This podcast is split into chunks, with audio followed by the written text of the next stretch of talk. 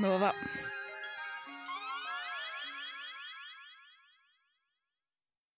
Den eh, kenyanske filmregissøren Vanuri Kahiu var nylig i Oslo i forbindelse med årets Film fra sør.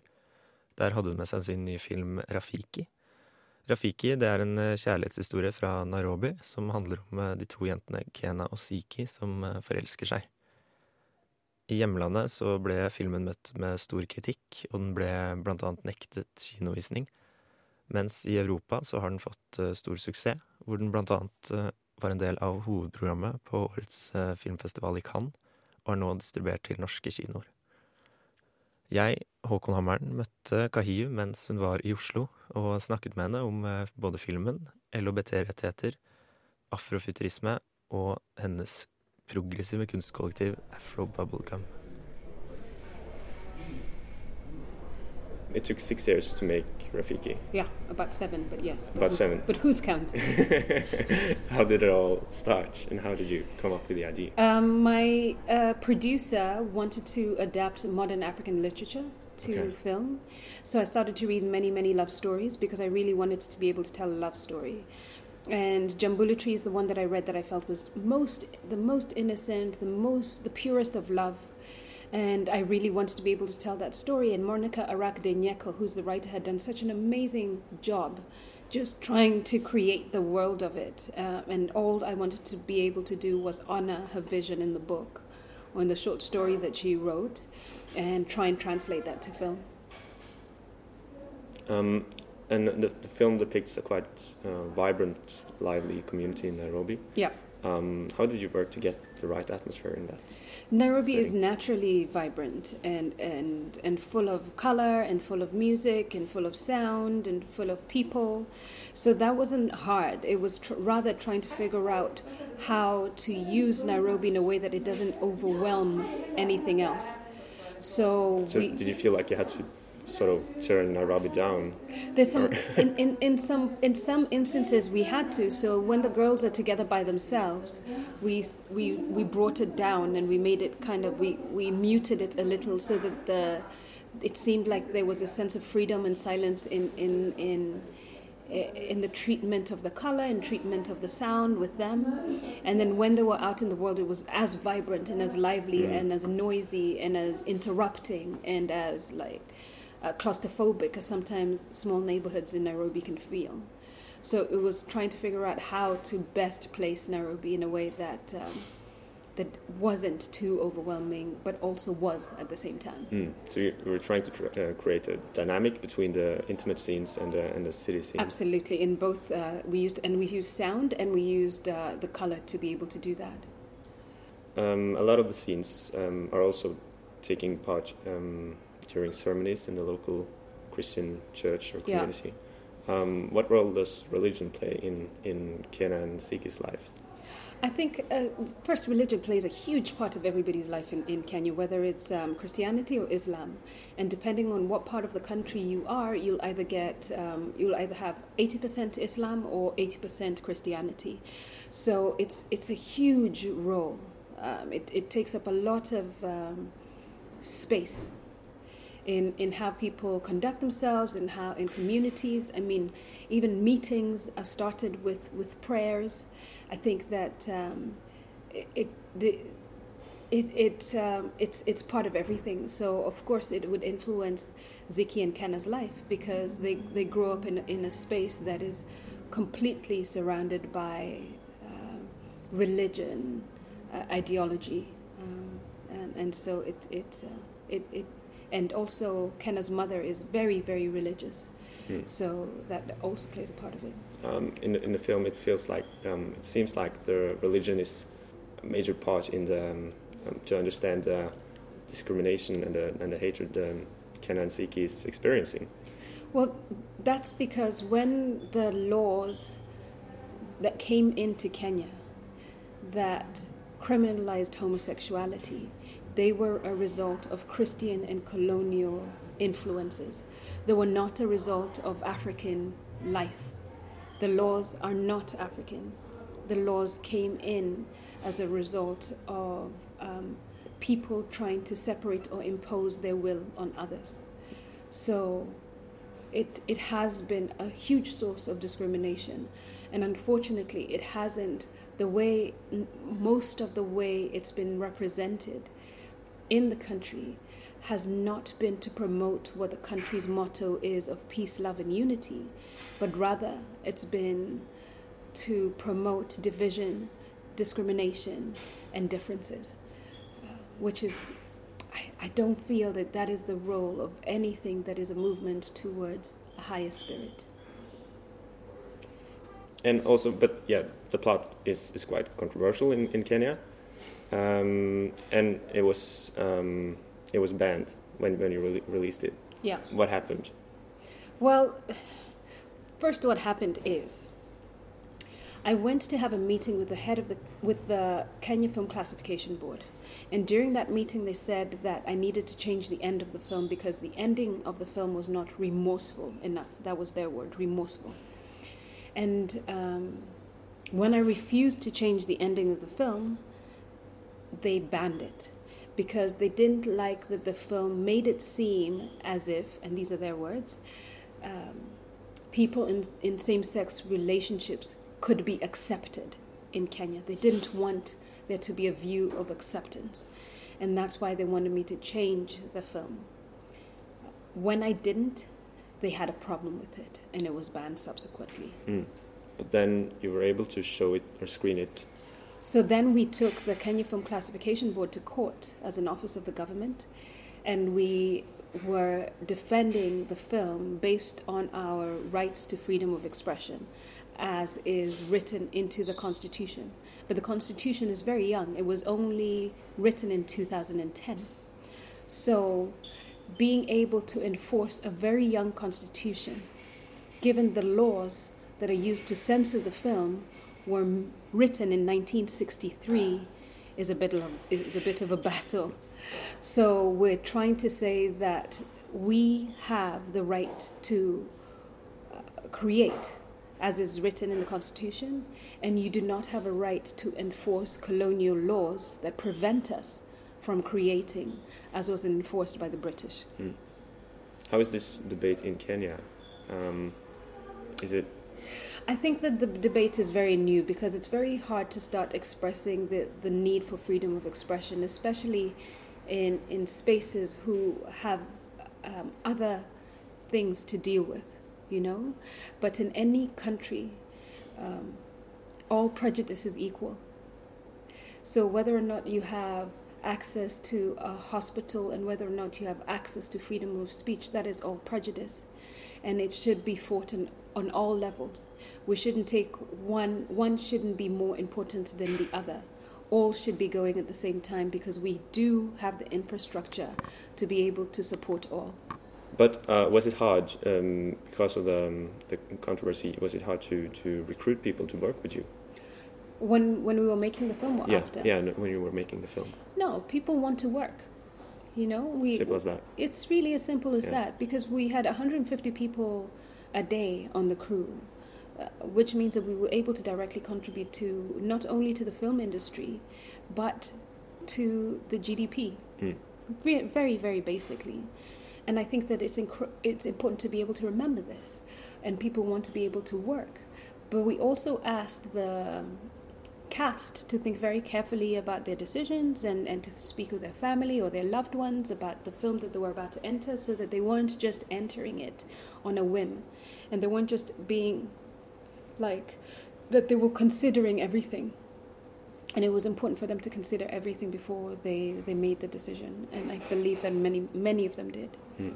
has there been any any formal um, problems for the crew after the film or? No. The cast and the crew are absolutely safe. The, the both actresses are traveling the world with the film at the moment so they're good um, so it's it's it's I think it's, it's changed their lives, but in many ways for the better.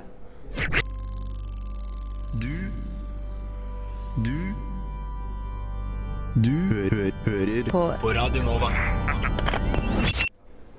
Earlier on, you made a film called Pumzi, yeah. a short film, um, which is um, a science fiction film. Yeah. Um, and you've spoken in, in a lot of different forums about um, Afrofuturism. Uh, what is that for you?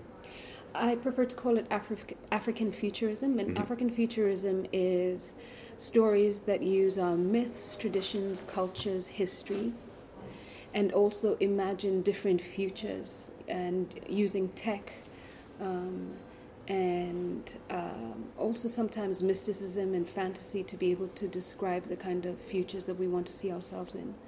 So it's really a mix of the past and the future.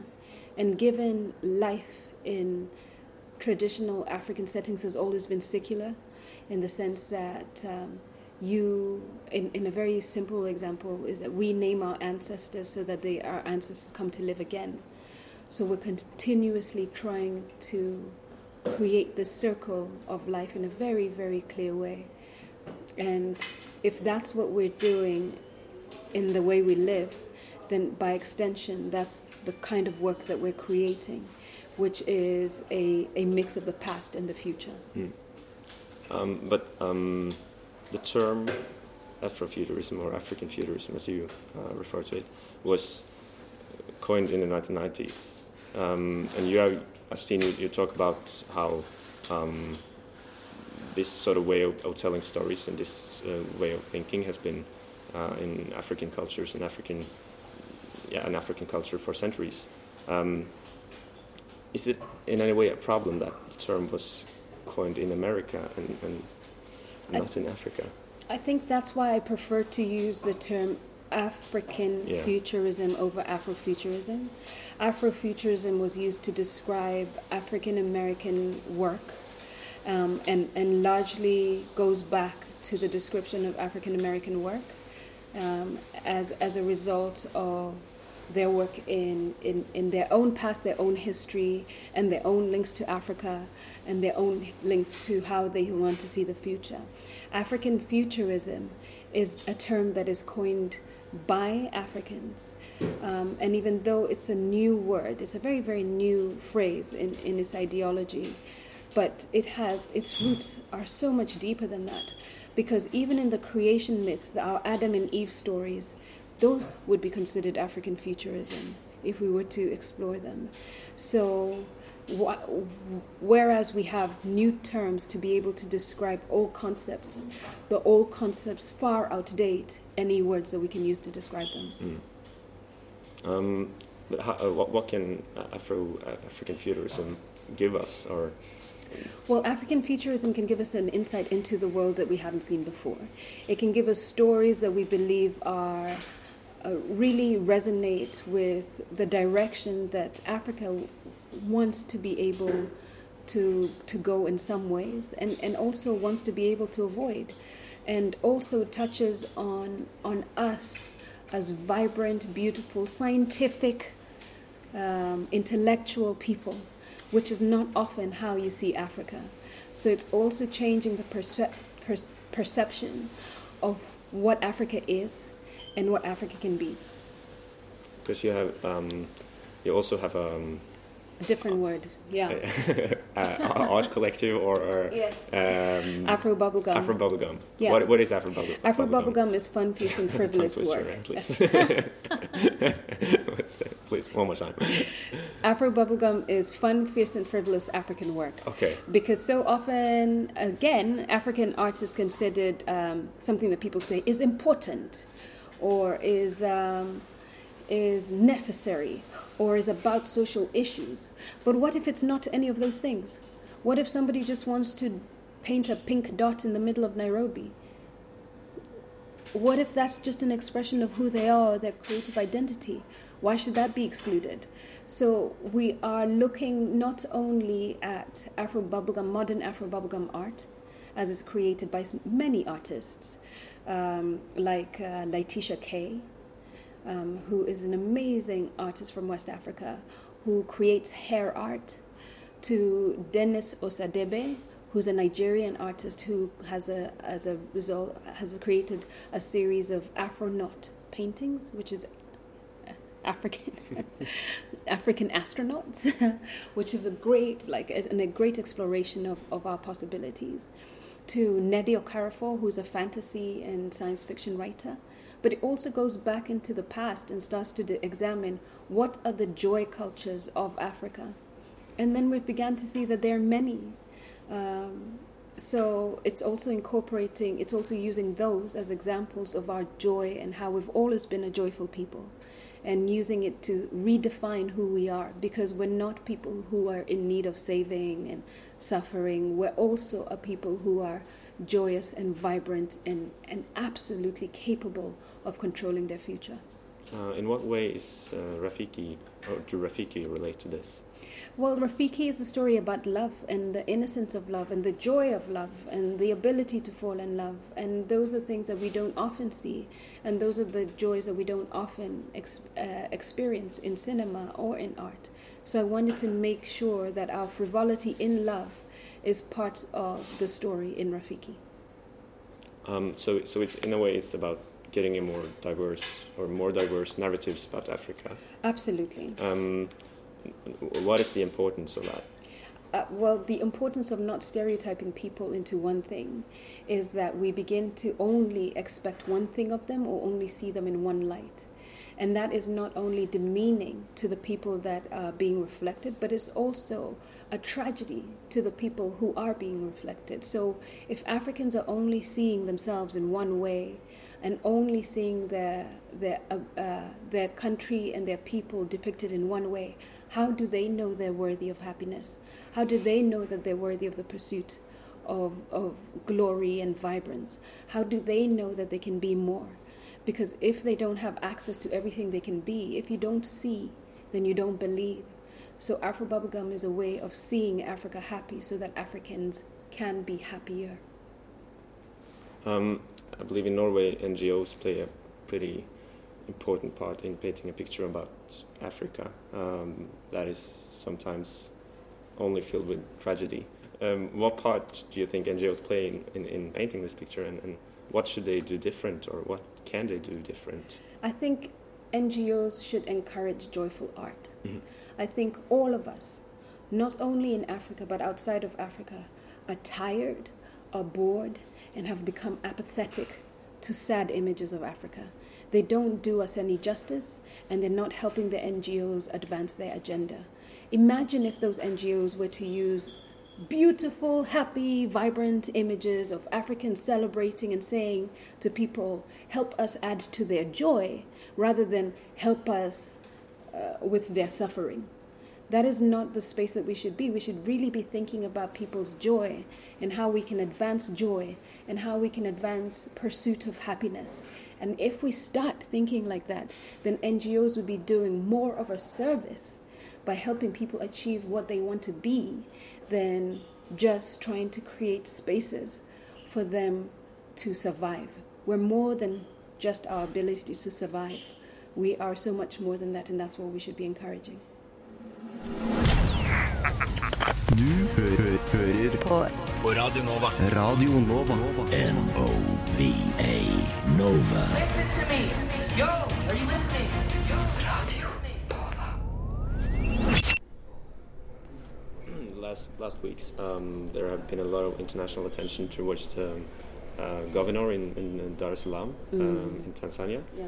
which is Kenya's neighboring country. Um, yeah how does um, it's hard to hard to phrase this. Um, and do you, do you think this international pressure is important in cases like that? I think it's it's important to be able to su- support the vulnerable people who are going to be um, affected in those societies first. Those should be the first point of concern. Is how are we helping the people who are going to be discriminated against? How are we going to help the people who are being arrested? How are we going to help the people who are being kicked out by their families, who are being shunned? That should be the first point of call. And then after that, it should be trying to use diplomatic efforts to start conversations about um, same sex relationships, about the history of Africa and homosexuality, because this is not new. This is something, this is because we've been uh, on, on, on this earth for a long period of time. I think that uh, people have manifested in many different ways, and, and those different ways have been acknowledged in African cultures and African traditions. So it's really looking at is I think what um, people outside of Africa should be doing is pay, is pointing attention to the laws that created it, which were un-African, and should be firmly saying these laws were created as a result of us, or as a result of our, our us trying to control, manipulate, or or uh, coerce you into different spaces. They are not a result of you. And I think that once those kind of conversations start, then we can start to begin to unlock this idea of same sex relationships being un African. What is un African are the foreign policies that were imposed and the colonial laws that were imposed that have created the situation that we're in.